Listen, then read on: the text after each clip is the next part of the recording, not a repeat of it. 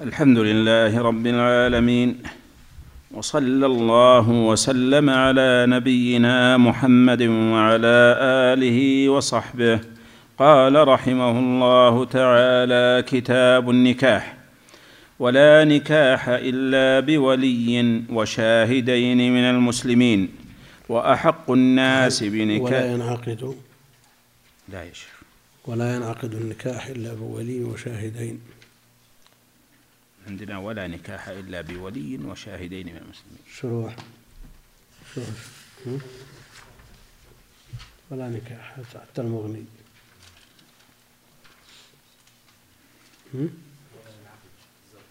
شو؟ الزركشي هي عندنا ولا ينعقد. والمغني هذا بين يديه ولا نكاح إلا بولي وشاهدين من المسلمين هم؟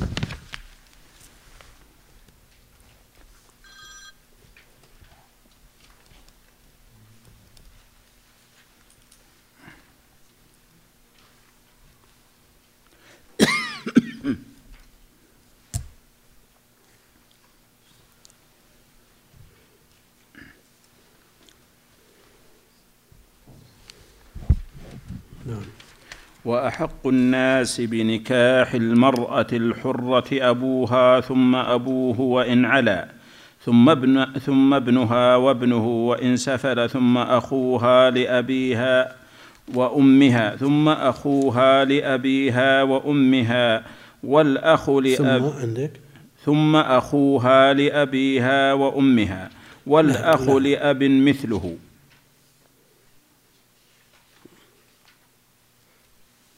والابن والسبب ثم أخوها لأبيها وأمها. والأخ لأب مثله. ماشي زين. ثم أولادهم وإن سفلوا ثم العمومة ثم أولادهم وإن سفلوا ثم عمومة الأب ثم المولى المنعم ثم أقرب عصبته به ثم السلطان. ووكيل كل واحد من هؤلاء يقوم مقامه وإن كان حاضرا. وإذا كان الأقرب من عصبتها طفلا أو عبدا أو كافرا زوجها الأبعد من عصبتها ويزوج أمة المرأة بإذنها من يزوجها ويزوج مولاتها من يزوج أمتها ومن أراد أن يتزوج امرأة وهو وليها جعل أمرها إلى رجل يزوجها منه بإذنها ولا يزوج كافر مسلمة بحال ولا مسلم كافرة إلا أن يكون المسلم سلطانا أو سيد أمة وإذا زوجها من غيره أولى منه وهو حاضر ولم يعضلها فالنكاح فاسد وإذا كان وليها غائبا في موضع لا يصل الكتاب إليه أو يصل فلا يجيب عنه زوجها من هو أبعد منه من عصبتها. فإن لم يكن فالسلطان فإذا زوجت من غير كفء فالنكاح باطل. والكفء ذو الدين والمنصب. وإذا زوج الرجل ابنته البكر فوضعها في كفاءة فالنكاح ثابت وإن كرهت. كبيرة كانت أو صغيرة وليس هذا لغير الأب. ولو استأذن البكر البالغة والدها كان حسنا. وإن زوج ابنته الثيب بغير إذنها فالنكاح باطل وإن رضيت بعد. وإذن الثيب الكلام وإذن البكر الصمات. وإذا زوج ابنته بدون صداق مثلها فقد ثبت النكاح بالمسمى. وإن فعل ذلك غير الأب ثبت النكاح وكان لها مهر مثلها ومن زوج غلاما غير بالغ أو معتوها لم يجز إلا أن يزوجه والده أو وصي ناظر له في التزويج وإذا زوج أمته بغير إذنها لزمها النكاح وإن كرهت كبيرة كانت أو صغيرة وإن زوج عبده وهو كاره لم يجز إلا أن يكون صغيرا. وإذا زوج الوليان فالنكاح للأول منهما فإن دخل بها الثاني وهو لا يعلم أنها ذات زوج فرق بينهما. وكان لها عليه مهر مثلها ولم يصبها زوجها حتى تحيض ثلاث حيضات بعد آخر وقت وطئها الثاني. وإن جهل الأول منهما فسخ النكاحان. وإذا تزوج العبد بغير إذن سيده فالنكاح باطل. وإن دخل بها فعلى سيده خمس المهر كما قال عثمان بن عفان رضي الله خمس خمسها خمساء المهر. فعلى سيده خمساء المهر كما قال عثمان بن عفان رضي الله عنه إلا أن يجاوز الخمسان قيمته فلا يلزم سيده أكثر من قيمته. أو يسلمه وإذا تزوج الأمة على أنها حرة وأصابها فولدت منه فالولد حر وعليه أن يفديهم والمهر المسمى ويرجع بذلك كله على من غره ويفرق بينهما إن لم يكن ممن يجوز له أن ينكح الإماء وإن كان ممن يجوز له أن ينكح الإماء فرضي بالمقام فما ولدت بعد فما ولدت بعد الرضا فهو رقيق وإن كان المغرور عبدا فأولاده أحرار ويفديهم إذا أعتق ويرجع به أيضا على من غره. وإذا قال قد جعلت عتق أمتي صداقها بحضرة شاهدين فقد ثبت النكاح والعتق. وإذا قال أشهد أني قد أعتقتها وجعلت عتقها صداقها كان قال العتق إيش؟ وإذا قال وإذا قال أشهد أني قد أعتقتها وجعلت عتقها صداقها كان العتق والنكاح أيضا ثابتين سواء تقدم القول بالعتق أو تأخر إذا لم يكن بينهما فصل فإن طلقها قبل أن يدخل بها رجع عليها بنصف قيمتها. وإذا قال الخاطب للولي أزوجت؟ قال نعم. وقال للزوج أقبلت؟ فقال نعم. فقد انعقد النكاح إذا كان بحضرة شاهدين. وليس للحر أن يجمع أكثر من أربع زوجات. وليس للعبد أن يجمع إلا اثنتين وله أن يتسرى بإذن سيده. ومتى طلق الحر أو العبد طلاقا يملك الرجعة أو لا يملك؟ لم يكن له أن يتزوج اختها حتى تنقضي عدتها. وكذلك إن طلق واحدة من أربع لم يتزوج حتى تنقضي عدتها. وكذلك العبد إذا طلق إحدى زوجتيه ومن خطب امرأة فزوج بغيرها لم ينعقد النكاح وإذا تزوجها وشرط ألا يخرجها من دارها ألا يخرجها من دارها أو بلدها فلها شرطها. عندك شرط؟ عندك وشرطت يا شيخ. لكن المعنى؟ المعنى وشرطت لكن موجود وشرط. مغني. وشرط لها؟ نعم شرط لها يعني هي اشترطت عليه. نعم. المفترض إنها اشترطت هي اللي اشترطت. فلها شرطها لما روي عن النبي صلى شرط الله لها يعني التزم. يضم معنى معنى التزم لها. وهو معنى الشرط. أحسن?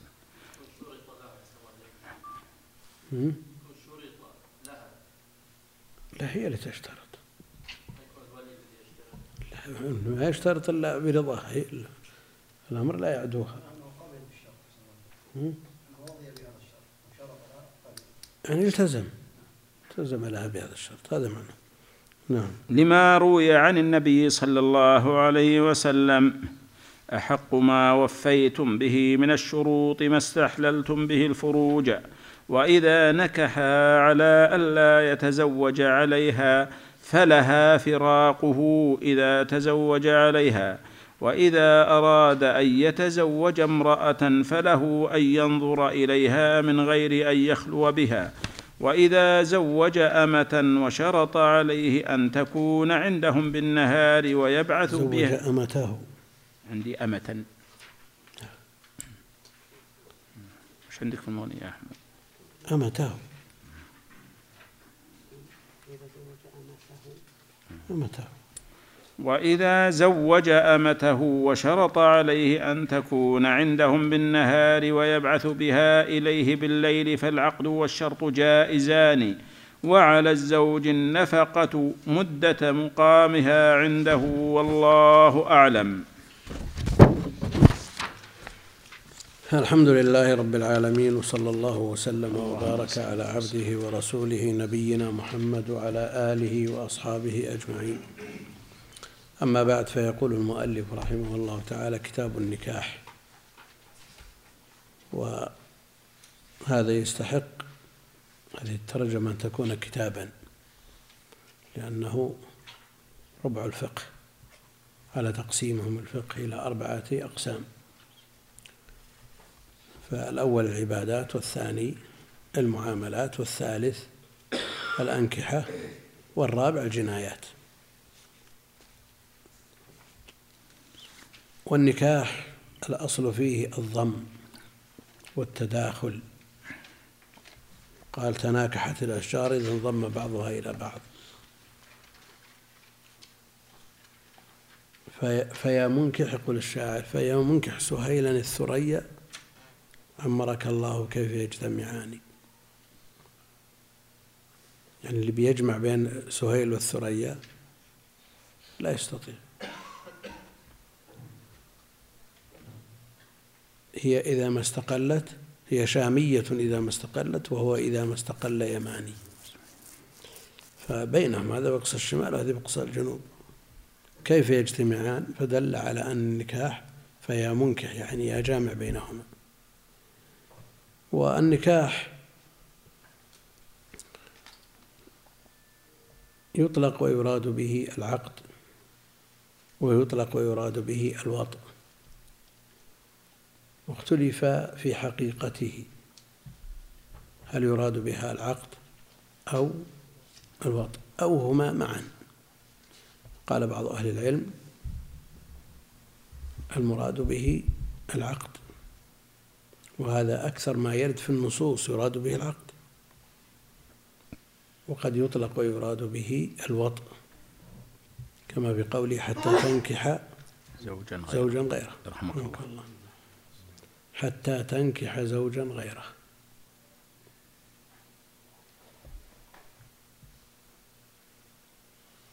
الدليل الشرعي دل على أن حقيقة النكاح لا تتم إلا بالوطء. ومنه حديث لا حتى تذوقي. وسيلته. لكن فهم الصحابي من هذا النص وأنه بمجرد العقد أن بفهمها وأنها بمجرد العقد حلت لزوجها الأول هل نقول أنه حقيقة في الوطء؟ من من لفظ الآية أو بسبب الحديث. هم يستدلون على أن النكاح حقيقة في الوطء بهذا الحديث ويقولون الآية تدل على أنه حقيقة لكن هل الآية بمفردها دلت على أنه الوطء أو الصحابية فهمت أنه العقد ولكن لأنها تفهم بفطرتها ولغتها وسليقتها المراد باللفظ. لكن الذي حدد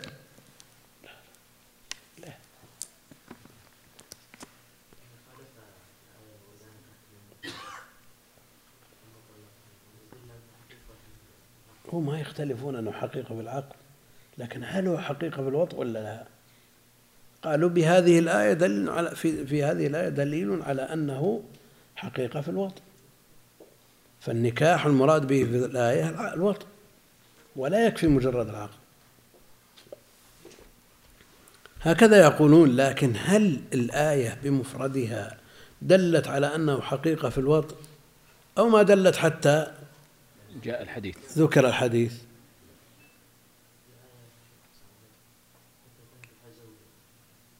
إيه. هو زوج إذا عقد عليها زوج.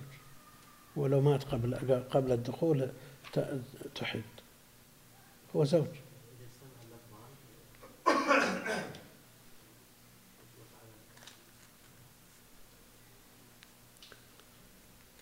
كلامي مفهوم ولا ما هو مفهوم؟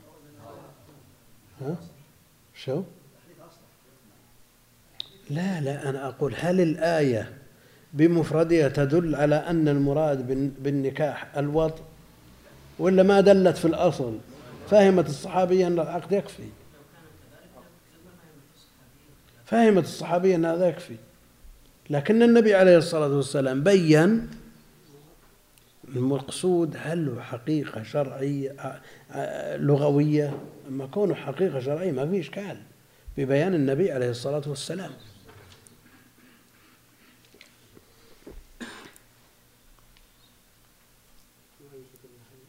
ها؟ ما ما ذكروا إلا هذه الآية.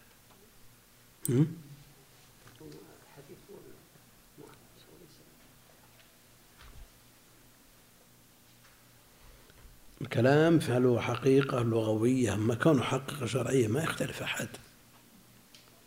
ما يختلف أحد. والعرب إذا قالوا نكح فلان زوجته أرادوا وطئها بينما إذا قالوا نكح بنت فلان يعني عقد عليها.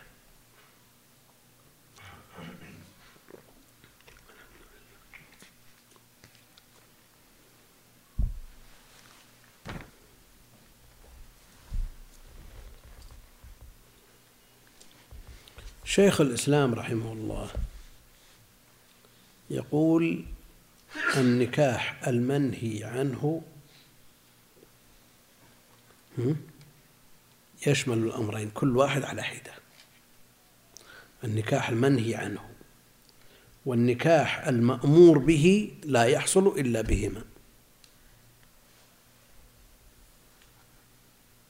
فانكحوا ما طاب لكم من النساء. يكفي أن يعقد امتثال هذا الأمر. ها؟ يا معشر الشباب من استطاع منكم الباءة فليتزوج.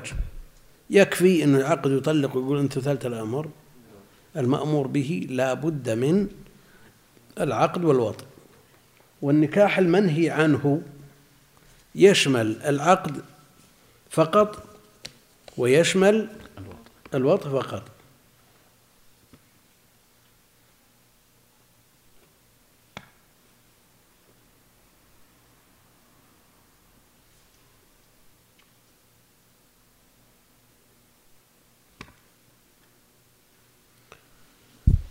هذا كلام شيخ الإسلام. كيف يتصور؟ الزنا. نعم. شو؟ وين؟ المهم إنه آه، هو وط على كل حال. وإذا قلنا إنه حقيقة في الوط انتهى الإشكال. ولا تنكحوا ما نكح آباؤكم. من النساء. هل المراد بالنكاح هنا العقد أو الوطء وأيهما أسهل؟ العقد بمفرده أو الوطء بمفرده؟ العقد بمفرده بعد الآية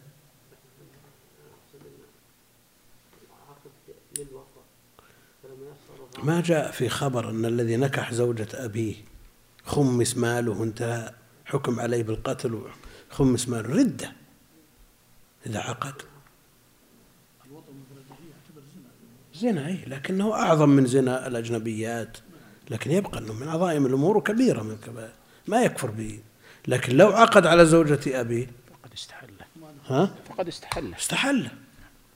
وهذا أعظم.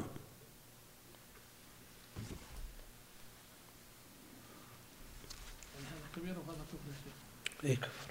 ردة اي الأمر مجمع عليه بنص مقطوع مقطوع به. ويؤيده الحديث من يطلعه لنا؟ هذا الأجهزة اللي معكم. ها؟ الحديث رجل آه، تزوج امرأة أبيه.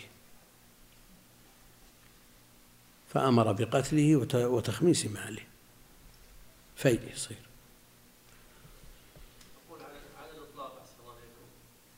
يعني أراد استحلال العمل هذا وش من عقد يعني من آه، يتصور منه الجهل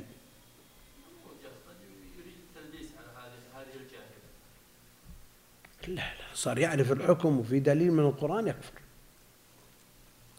أمر مجمع عليه معروف من الدين بالضرورة.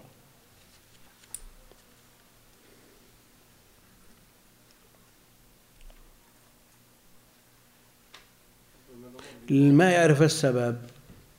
يقول كيف يحكم بقتله؟ وبردته تخميس ماله.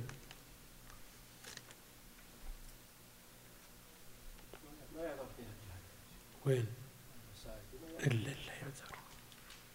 قالوا الرجل عاش في بلاد كفار وأسلم ولا يعرف عن بلاد المسلمين شيء ولا حديث عهد بالإسلام أو عاش بين كفار. ما يدرون. ها؟ حديث رواه ابو داود لقيت البراء بن عزب يقول لقيت عمي ومعه رأية فقلت أين تريد؟ قال بعثني رسول الله صلى الله عليه وسلم إلى رجل نكح امرأة أبيه فأمرني أن أضرب عنقه أن أضرب عنقه وآخذ ماله. هذا وش قال عنه؟ رواه رواه الترمذي وقال حسن غريب ورواه أبو داود وسكت عنه إيه غيره وابن جرير صححه الطبري و ورواه أبو نعيم بلفظ زيد لفظ وسلب مالك أو وسلب وسلب مالك وقال وتفرد به وكيع عن سفيان. اي لكن ما صح أحد من الأئمة المعتبرين. ابن القيم إيه. ما استطاع أحيانا هذا يحتاج إلى استفصال شيء من الاستفصال نعم. ابن حجر في فتح الباري في إسناده اختلاف كثير وهو شاهد الجزء كم صفحة كم؟ الجزء الثاني عشر صفحة 121 ما يجي ثاني عشر كتاب النكاح. التاسع. معروف الطبعة اللي معتمد عليها؟ عندك؟ شوف شوي طبعة الثاني عشر من طبعة الحلبي إلى سبعة عشر.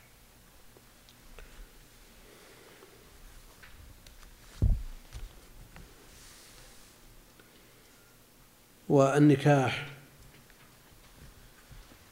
ثابت بالكتاب والسنة وإجماع أهل العلم وهو من سنن المرسلين. من سنن المرسلين. ومن رغب عن سنتي فليس مني كما في حديث قصة الثلاثة. المشهورة. قال رحمه الله ولا ينعقد النكاح. أو ولا نكاح إلا بولي بلفظ الحديث بلفظ الحديث لا نكاح إلا بولي في رواية وشاهدي عدل. ولا ينعقد النكاح إلا بولي وشاهدين من المسلمين. هذا شرط لصحة النكاح عند الجمهور. اعتمادا على الحديث لا نكاح إلا بولي مع أنهم اختلفوا في وصله وإرساله لكن المرجح وصله. حكم بذلك البخاري وغيره واعتمده جمهور أهل العلم على اشتراط الولي في النكاح. وخالف في ذلك أبو حنيفة فلم يره شرطا ومالك في الشريفة دون الوضيعة. يعني يشترط الولي في الشريفة. الوضيعة ما يشترط لها ولي.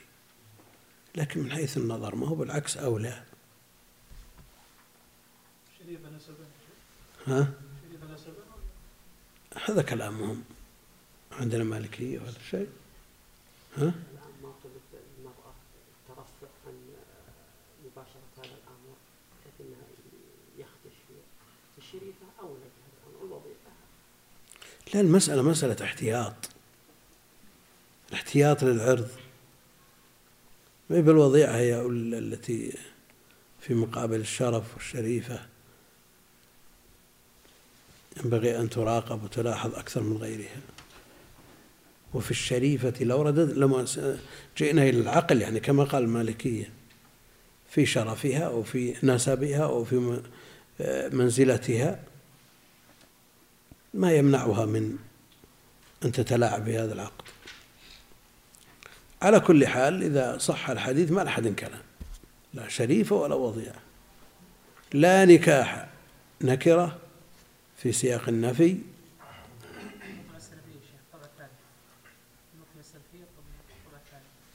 ما عندنا عندنا الأولى.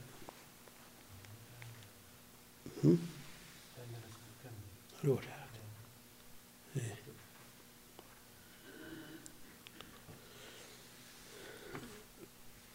جزء 12 كم؟ شوف 12 متقاربات ترى. لا نكاح إلا بولي. حديث مخرج في السنن. اختلف في وصله وإرساله. وحكم البخاري بوصل لا نكاح إلا بولي مع كون من أرسله كالجبل. شعبة وسفيان أرسلوه ووصله غيرهم. وعند الترمذي في هذا دقيقة يغفل عنها كثير ممن يتصدون لتخريج الأحاديث والحكم عليها. يعني لو اعتضد سفيان بشعبة أو شعبة بسفيان ما يعدل بهم أحد. لكن الترمذي نص على أنهما رويا الحديث في مجلس واحد. فهما في حقيقة الأمر كراو واحد. هذه من الدقائق التي لا ينتبه لها كثير من الناس. شعبة وسفيان حكموا أرسلوه ونقدم غيرهم. مع كون من أرسله كالجبل. قال الترمذي هم روياه في مجلس واحد ومؤدى ذلك أنهما كالراوي الواحد.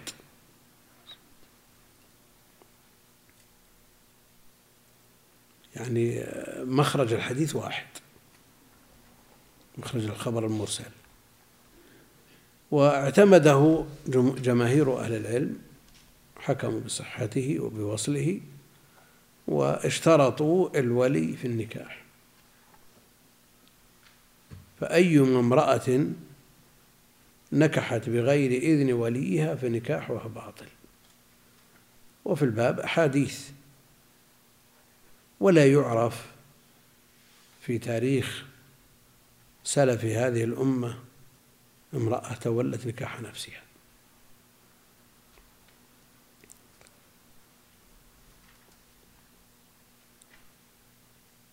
إلا بولي وشاهدين من المسلمين. وتشترط فيهما العدالة. ولا يقبل في هذا الباب النساء. لا يقبل أربع من النسوة ولا رجل وامرأتان. لا بد أن يكون رجلين عدلين من المسلمين.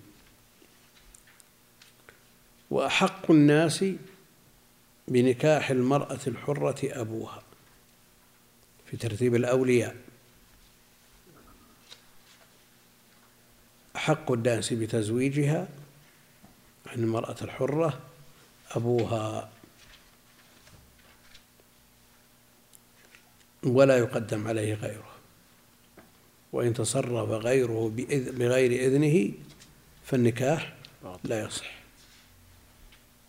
ثم أبوه الجد من جهة الأب. ولا مدخل في هذا للجد من جهة الأم. كما أنه لا مدخل للأخوال ومن يدلي بالأم. لأن المسألة متعلقة بالعصبة. ثم أبوه وإن علا. يعني من جهتي ثم ابنها. إذا لم يوجد الأب ولا الجد ابن المرأة. قم يا عمر فأنكح رسول الله. اللهم صل في زواجه عليه الصلاة والسلام بأم سلمة ابنها. ثم ابنها وابنه.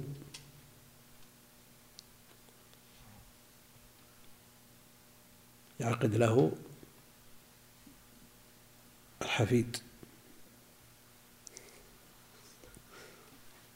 وإن سفل ها؟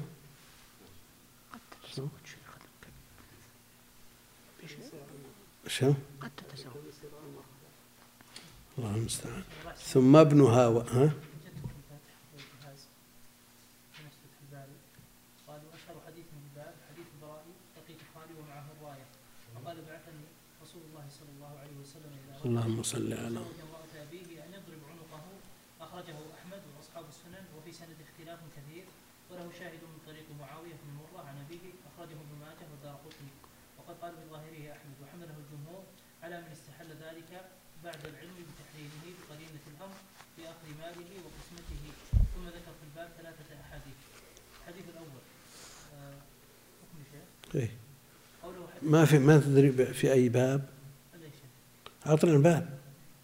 نفس الشيء الجزء الثاني عشر هي الباب؟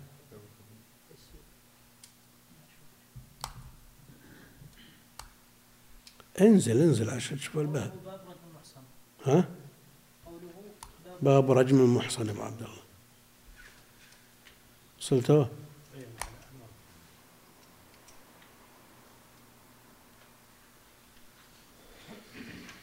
استغفر الله إذا كان عندنا آه، الناس يتمسكون بمذهب الحنفي إذا تزوج الشخص بدون إذن ولي ماذا يفعل؟ يطلقها أم لا يكون بعد بينهما النكاح أبدا؟ لا يجدد يجدد العقد. جدد العقد أو ما دام متبعين هم عوام ومقلده وقلدوا إمام تبرأ الذمة بتقليده من وجهة نظرهم فأنكحتهم صحيحة. لكن لو جدد باعتبار الأحاديث صحيحة وقوية لا شك أن هذا أقوى. إذا إذا لا يعرف أب- أبوها مثلا أبدا قطعيا هذا النكاح يعتبر نكاحا أو ولا يعتبر شيء؟ وما دام عامة مقلدة فرض سؤال أهل العلم وتقليدهم فمثل هذا تبرأ الذمة إن شاء الله. لكن لو جدد من باب الاحتياط كان أولى.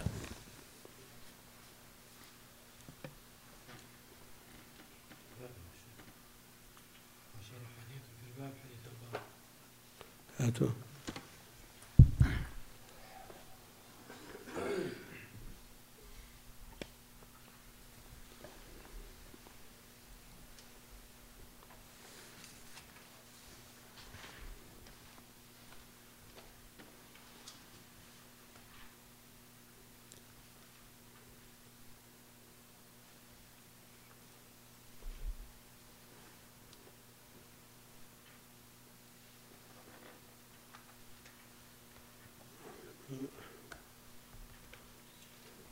لقيت خالي ومعه الراية.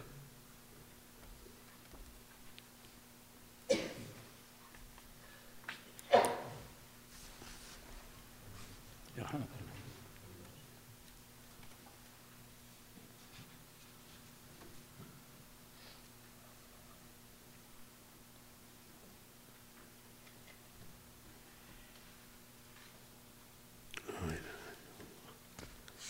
الباب آثار.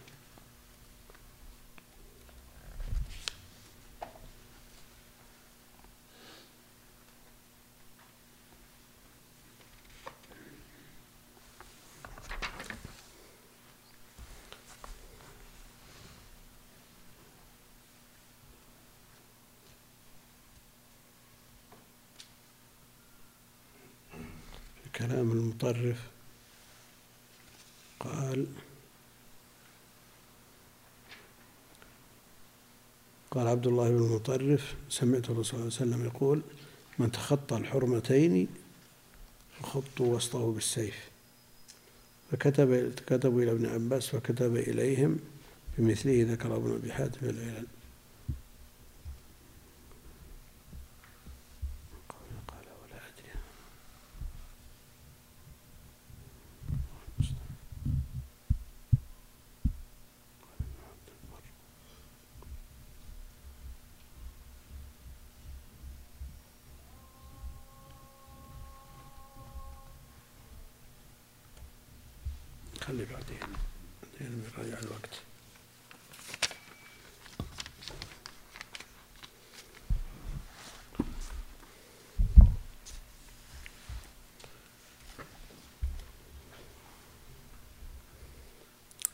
ثم ابنها وابنه وإن سفل ثم أخوها لأبيها وأمها يعني الأخ الشقيق.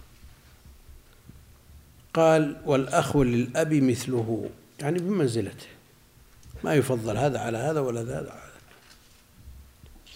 لا يفضل الشقيق على الأخ لأب. معلوم أنه في الميراث يقدم عليه ويحجبه. يقدم عليه. فلماذا سووا بينهما هنا؟ مع أنه في رواية ثانية في المذهب. تقديم. تقديم الأخ للأبوين على الأخ لأب. ولا يلي الأخ لأب إلا مع عدم الأخ الشقيق أو إذنه. يحصل كثيرا هنا في مجتمعنا أنه يوجد إخوة أشقة وإخوة لأب. الكبار الإخوة للأب. أخ لأب كبير وأخ شقيق صغير. المكلف. أخ لأب عمره خمسون عاما وأخ شقيق عمره خمسة عشر ستة عشر مكلف يعني. فجرت العادة أن الصغير لا يتقدم على أخيه الكبير فيعقد الأخ لأب باعتباره أكبر. وقد يكون ولي مال يعني وصي للأب في تقسيم الأموال فقط لا في ولاية النكاح. فيحضر الشقيق ويعقد الكبير لأب ويسكت الأخ الشقيق الصغير. هل يصحح مثل هذا النكاح أو لا؟ ها؟ على كلام المؤلف ما في أدنى إشكال كلهم واحد. ما بينهم فرق. وعلى المرجح هو أن الأخ الشقيق أولى من الأخ لأب يعني يحتاج إلى نظر. لكن وجوده وعدم إنكاره وإقراره شهوده بل شهادته على العقد ولم ينكر تجعل في الأمر سعة ها؟ وين؟ لا المسألة يعني هل ال ال الولاية في النكاح من أجل حراسة المرأة وحمايتها هو ما اعترض على شيء عندك مسائل الغلام. ما جبتها معي يا شيخ. اجيبها إن شاء الله. ها؟ ما هي معي الآن. هو مستوعب ولا ما هو مستوعب؟ 90 مسألة بس. ها؟ 90 مسألة. إلا موجودة في الطبقات. إيه بس. المغني وش يقول؟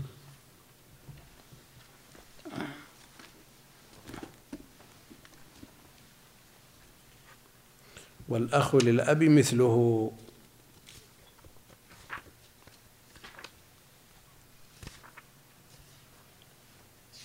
يقول هل من من الممكن أن يستدل بعدم جواز إنكاح المرأة نفسها على عدم جواز توليها الولاية العامة ونحوها؟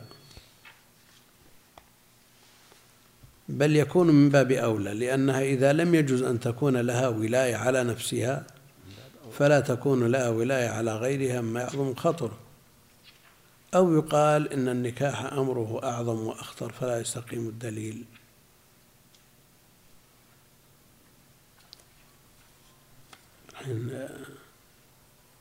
توليها إنكاح نفسها. أيهما أقرب في منعها من تولي الولاية العامة أو من تولي شؤونها الخاصة من البيع والشراء ونحو ذلك؟ لا شك أن هذا أقرب. لكن الحاسم في هذا الدليل النص. نقرأ شيخ. اقرأ قال رحمه الله تعالى مسألة قال والأخ للأب مثله. اختلفت الرواية عن أحمد.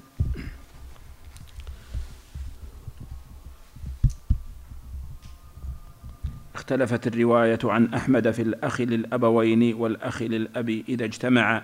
فالمشهور عنه أنهما سواء في الولاية وبه قال أبو ثور والشافعي في القديم. لأنهما استويا في الإدلاء بالجهة التي تستفاد منها العصوبة وهي جهة الأب.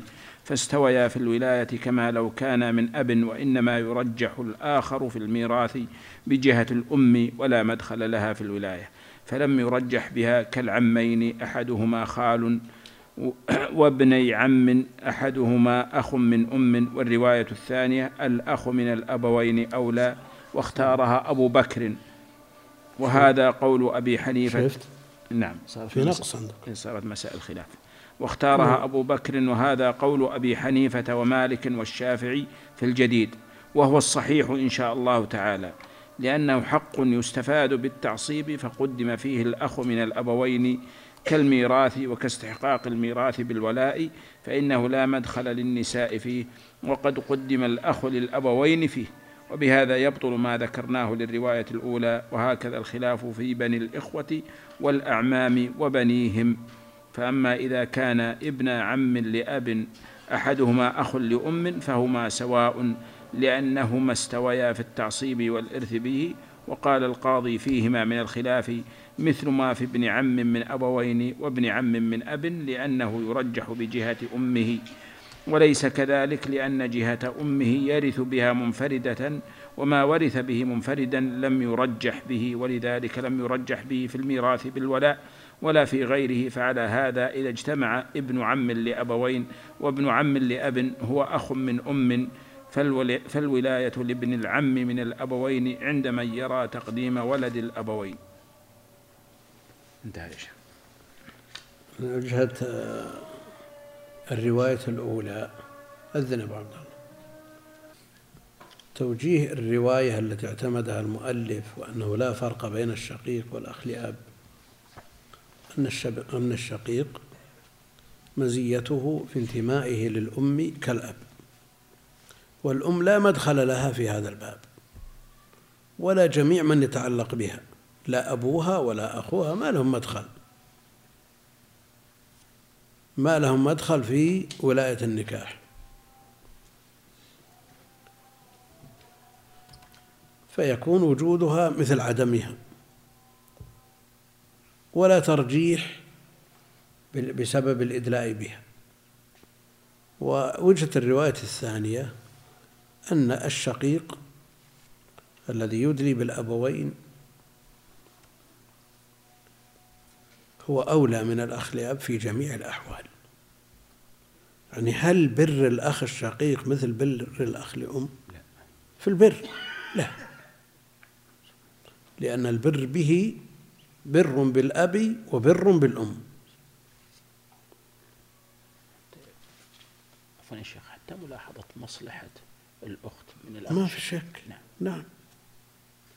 لا شك أن الشقيق أقرب إلى من أخته من الأخ لأب ورعاية المصالح عند الأشقاء وبين الأشقاء أكثر بلا شك والواقع يشهد بهذا. دعونا من حالات نادرة وفردية يوجد أخ شقيق عاق وأخ لأب بار أو واصل. هذه حالات خلاف الأصل. لكن من؟ لأن الحنو والعطف والحنان كما يقولون من جهة الأم أقوى منه من جهة الأب. ويضعف هذا الباب إذا وجدت ضرات سبب لضعف آه، العطف. وهذا موجود في البيوت التي فيها أكثر من زوجة مع أنه خلاف الشرع لكن الواقع. يشهد بأن الأخوة الأشقة مثل الأخوة لأب؟ لا. قد يكون بينهم من النزاع والشقاق. ما يتمنى لأخته وإن كان هذا خلاف الشرع والأصل والعقل أن تتزوج بأي شخص. بينما الأخ الشقيق لا تفترق عنده عن بنته. على كل حال الرواية الثانية المرجحة وأن الشقيق أولى من الأخ لأب بدليل أنه يحجبه في الميراث ولولا قوته لما حجبه. هم في الميراث كلهم عصبة كلهم عصبة في الميراث لكن لا شك أن الأخ لأبوين أقوى. لا لا ترتيب ثم الأخ لأب ترتيب. لكن مثل الصورة التي ذكرناها فيما إذا وجد آه، شقيق صغير وأخ لأب كبير وحضروا كلهم العقد وتولى الإيجاب الأخ الأكبر وهذا ساري وجاري عند الناس وله أصل من باب كبر كبر من قوله عليه الصلاة والسلام والأخ الشقيق راضي وشاهد على العقد فالعقد صحيح. ولم يرضى؟ بدأ منه رضا ولا معارضة إذا عارض ما يصح النكاح. لا. لكن إذا وافق الأمر ما في إشكال. ثم أولادهم. ثم أولادهم أولاد الأخ الإخوة الأشقاء ولأب وإن سفلوا ثم العمومة. الأخ الشقيق والأخ لأب مقدمان على العم كما تقدم في الفرائض. ثم أولادهم وإن سفلوا ثم عمومة الأب. العمومة سواء كانوا أشقاء أو لأب إخوة للأب من الأبوين أشقاء أو إخوة له من الأب كالإخوة مثل ما تقدم في الأخوة عنده والمرجح على الرواية الثانية مثل ما تقدم في الأخوة. ثم أولادهم أولاد الأعمام وإن سفلوا. ثم عمومة الأب. طيب عمومة الأم. لا مدخل لهم في هذا الباب. ثم عمومة الأب ثم المولى المنعم. المعتق ثم المولى المنعم ثم أقرب عصبته. أقرب عصبة المولى ثم أقرب عصبة المولى. إذا لم يوجد هؤلاء كلهم فالسلطان السلطان هناك ممارسات كثيرة كثير منها باطل. يدل على تساهل في هذا الباب الذي يجب الاحتياط له. تكون في غير بلدها ثم تخطب ثم يقال أين ولي أمرك؟ ثم تقول ها هو على التلفون. ويجرى العقد بمجرد هذا. يسوون هذه هذا لا يكفي. لا يكفي حتى يتحقق من كونه ولي. بما لا يترك مجالا لأدنى شك أو ريب. لأنه وجد تلاعب. لأنها هي ما ترى مسألة الولي. جاي من بلد ما يشترط مثلا. فلا ترى غضاضة تكلم أي شخص وتقول هذا ولي ويقول أنا ولي. والخاطب أيضا من النوع اللي لا يحتاطون لأنفسهم ويتساهلون من المكثرين من الزواج. بهذا بهذه الصورة ومن زواج مسيار وزواج بنية طلاق بس هات بعض الناس إذا توسع في هذا الباب لا تستبعد شيء. وبعض الجهات يذهب إليهم الشخص الجاهل بعاداتهم وأحوالهم وأعرافهم وهم أهل تساهل ثم يزوج امرأة في ذمة زوج. نسأل الله العافية وسيأتي الكلام فيها. وحصل قضايا كثيرة جدا. شخص لما ذهب إلى زوجته في بلد خارج المملكة ووصل العمارة اللي يسكنونها. قالت عجوز أظنها حارسة أو امرأة الحارس أو شيء من هذا. قالت إنها ذهبت مع زوجها. وراح متزوج ثم كانت مع زوج. ماذا صنع؟ سكت كأنه لم يعلم.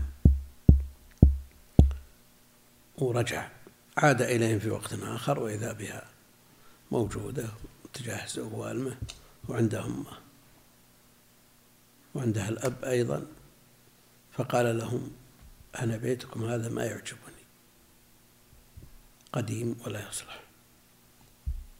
جيبوا لنا ترخيص بعمارته.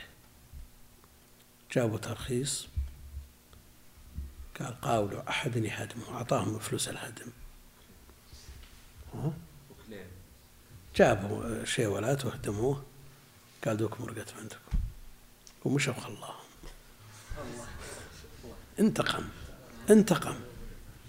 انتقم منهم. الله أشنع منه صنيعهم. أشنع منه صنيعهم. نسأل الله العافية. كله كل الأطراف متساهلة. شخص يجي عمره سبعين سنة. يترك امرأة في الخارج. ما يدري إيش يصير عليه يجلس سنتين ثلاث ثم يروح إذا وجد عنده ولد ولا بنت ولا شيء. لا الأمر صعب.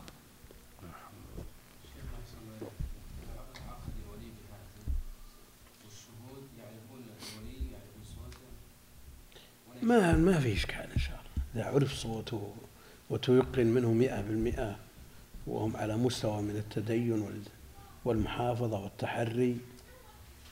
ما يظهر فيه إشكال لكن حسم المادة وعدم تجويزها بالكلية قفل الباب هو الأصل.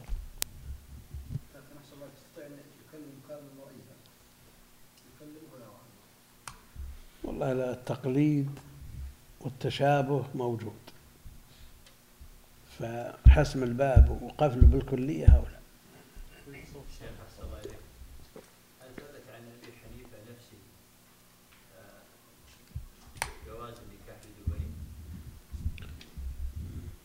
ينسى الحنفية ينسبونه له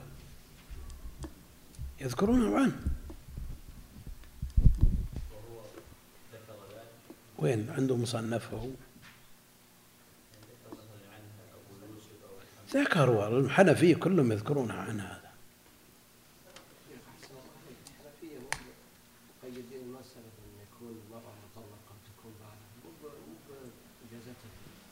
لا لا. لا يجوزون. النكاح بلا ولي وهو معتمد في بعض البلدان الإسلامية. قانون الأحوال الشخصية ماشي عليه. لا أيسر وأسهل روح تدور فلان ولا علان. وحقوق الإنسان تدعم مثل هذا.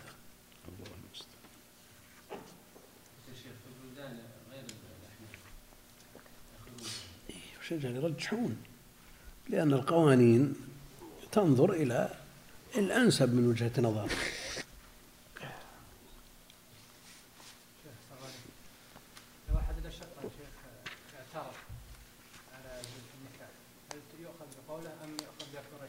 أكبرهم. إن لم يكن موصى من قبل الأب. لكن إذا كان اعتراضه له سبب شرعي يعني الخاطب غير كفء؟ يعني غير كفء في دينه. إذا كان غير كفء. في دينه مثلا في فسق غير كفء في في تجي الكفاءة في الدين والمنصب. إذا كان غير كفء له اعتراض. ثم المولى المعنى ثم أقرب عصبته ثم السلطان. السلطان معروف من يقوم مقامه وهو في هذا القاضي. القضاة هم نواب السلطان في هذا. ووكيل كل واحد من هؤلاء يقوم مقامه. وكيله وإن كان حاضر. ولو كان في المجلس. المهم أنه موكل من قبله. فهو يقوم مقامه ويعقد عنه. شلون تستأذن آه، يجي يسألها المأذون مثلا مباشرة شو المأذون مثلا الزوجة اللي قابلة وراضي بالزواج. والله إذا وجد أدنى ريبة لابد أن يسأل. وسيأتي الآن مسألة الإجبار وما الإجبار يأتي. إذا كان موجود.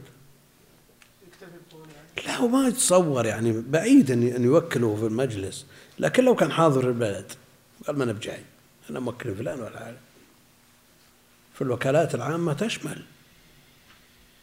العامة المطلقة تشمل مثل هذا. وإذا كان الأقرب من عصبتها طفلا أو عبدا أو كافرا يعني لا تتوفر فيه الأهلية.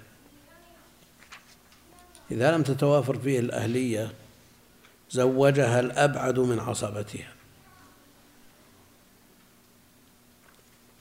يعني وكذا إن كان عاضلا. ولو كانت توافرت فيه الشروط لكنه عاضل. تنقل الولاية إلى الأبعد وما أكثر العضل. بأسباب تافهة وأطماع مادية. ها؟ إيه لابد ما ينقلها إلا قاضي. شو؟ الطفل البلوغ ولا الرشد شروط الولي شروط الولي معروفة عند أهل العلم ينازعون في كون الفسق خارم. يجوزون عقد الكافر على ابنته وإن كان فيه المسألة خلافية وستأتي. طفلا أو عبدا أو كافرا زوجها الأبعد من عصبتها. ويزوج أمة المرأة بإذنها من يزوجها.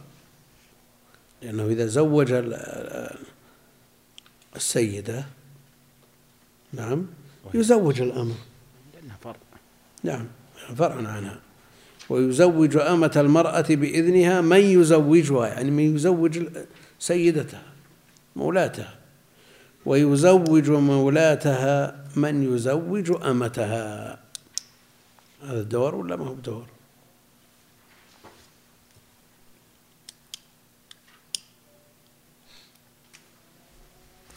ويزوج مولاتها.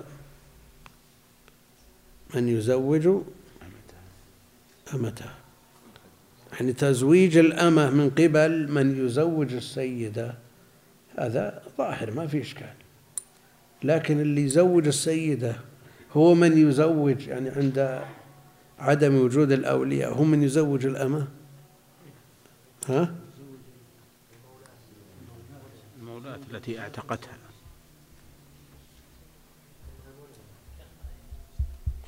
وش؟ يعني عتيقتها نفس القضية الس- السابقة لا لا. لا, عكسها تمام.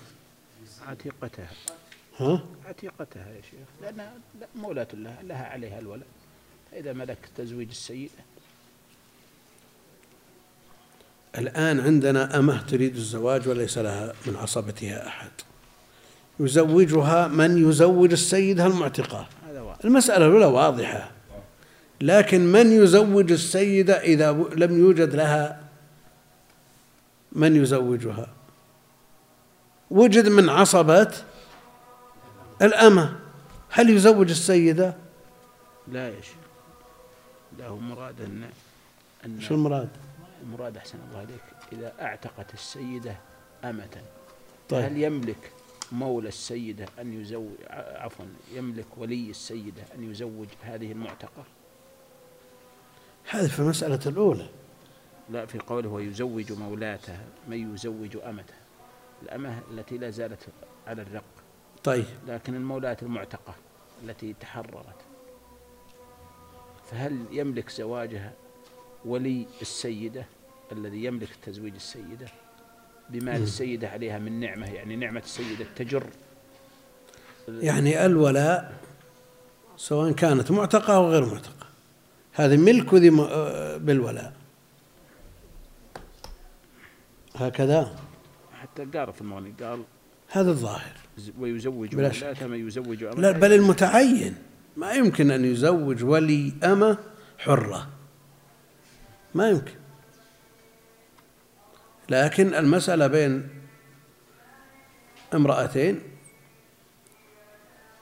كلاهما جرى عليهما الرق إحداهما ما زالت أمة رقيقة والثانية اعتقت.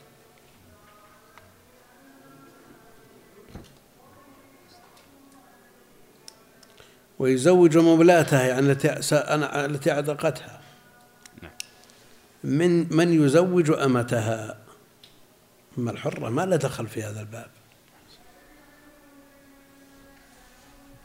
ومن أراد أن يتزوج امرأة هو وليها جعل أمرها إلى رجل يزوجها منه بإذنه. لأنه لا يتولى طرفي العقد. امرأة قالت وكلت شخص في تزويجها. فأراد أن يتزوجها بنفسه.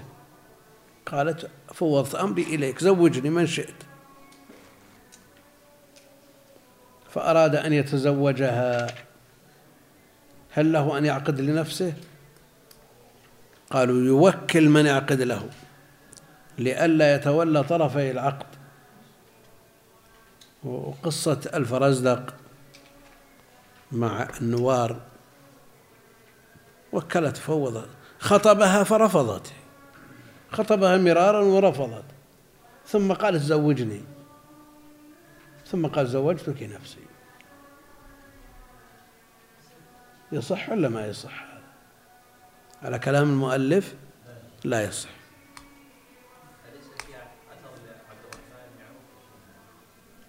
إلا إلا في البخاري. في البخاري. في التاسع أو الدرس الجاي؟ إي بس علشان ما ننساه.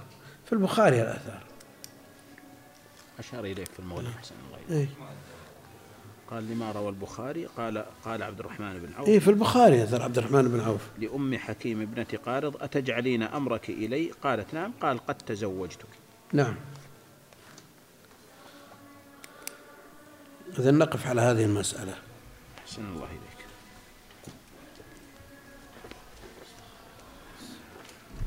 جزاك الله خير يا شيخ.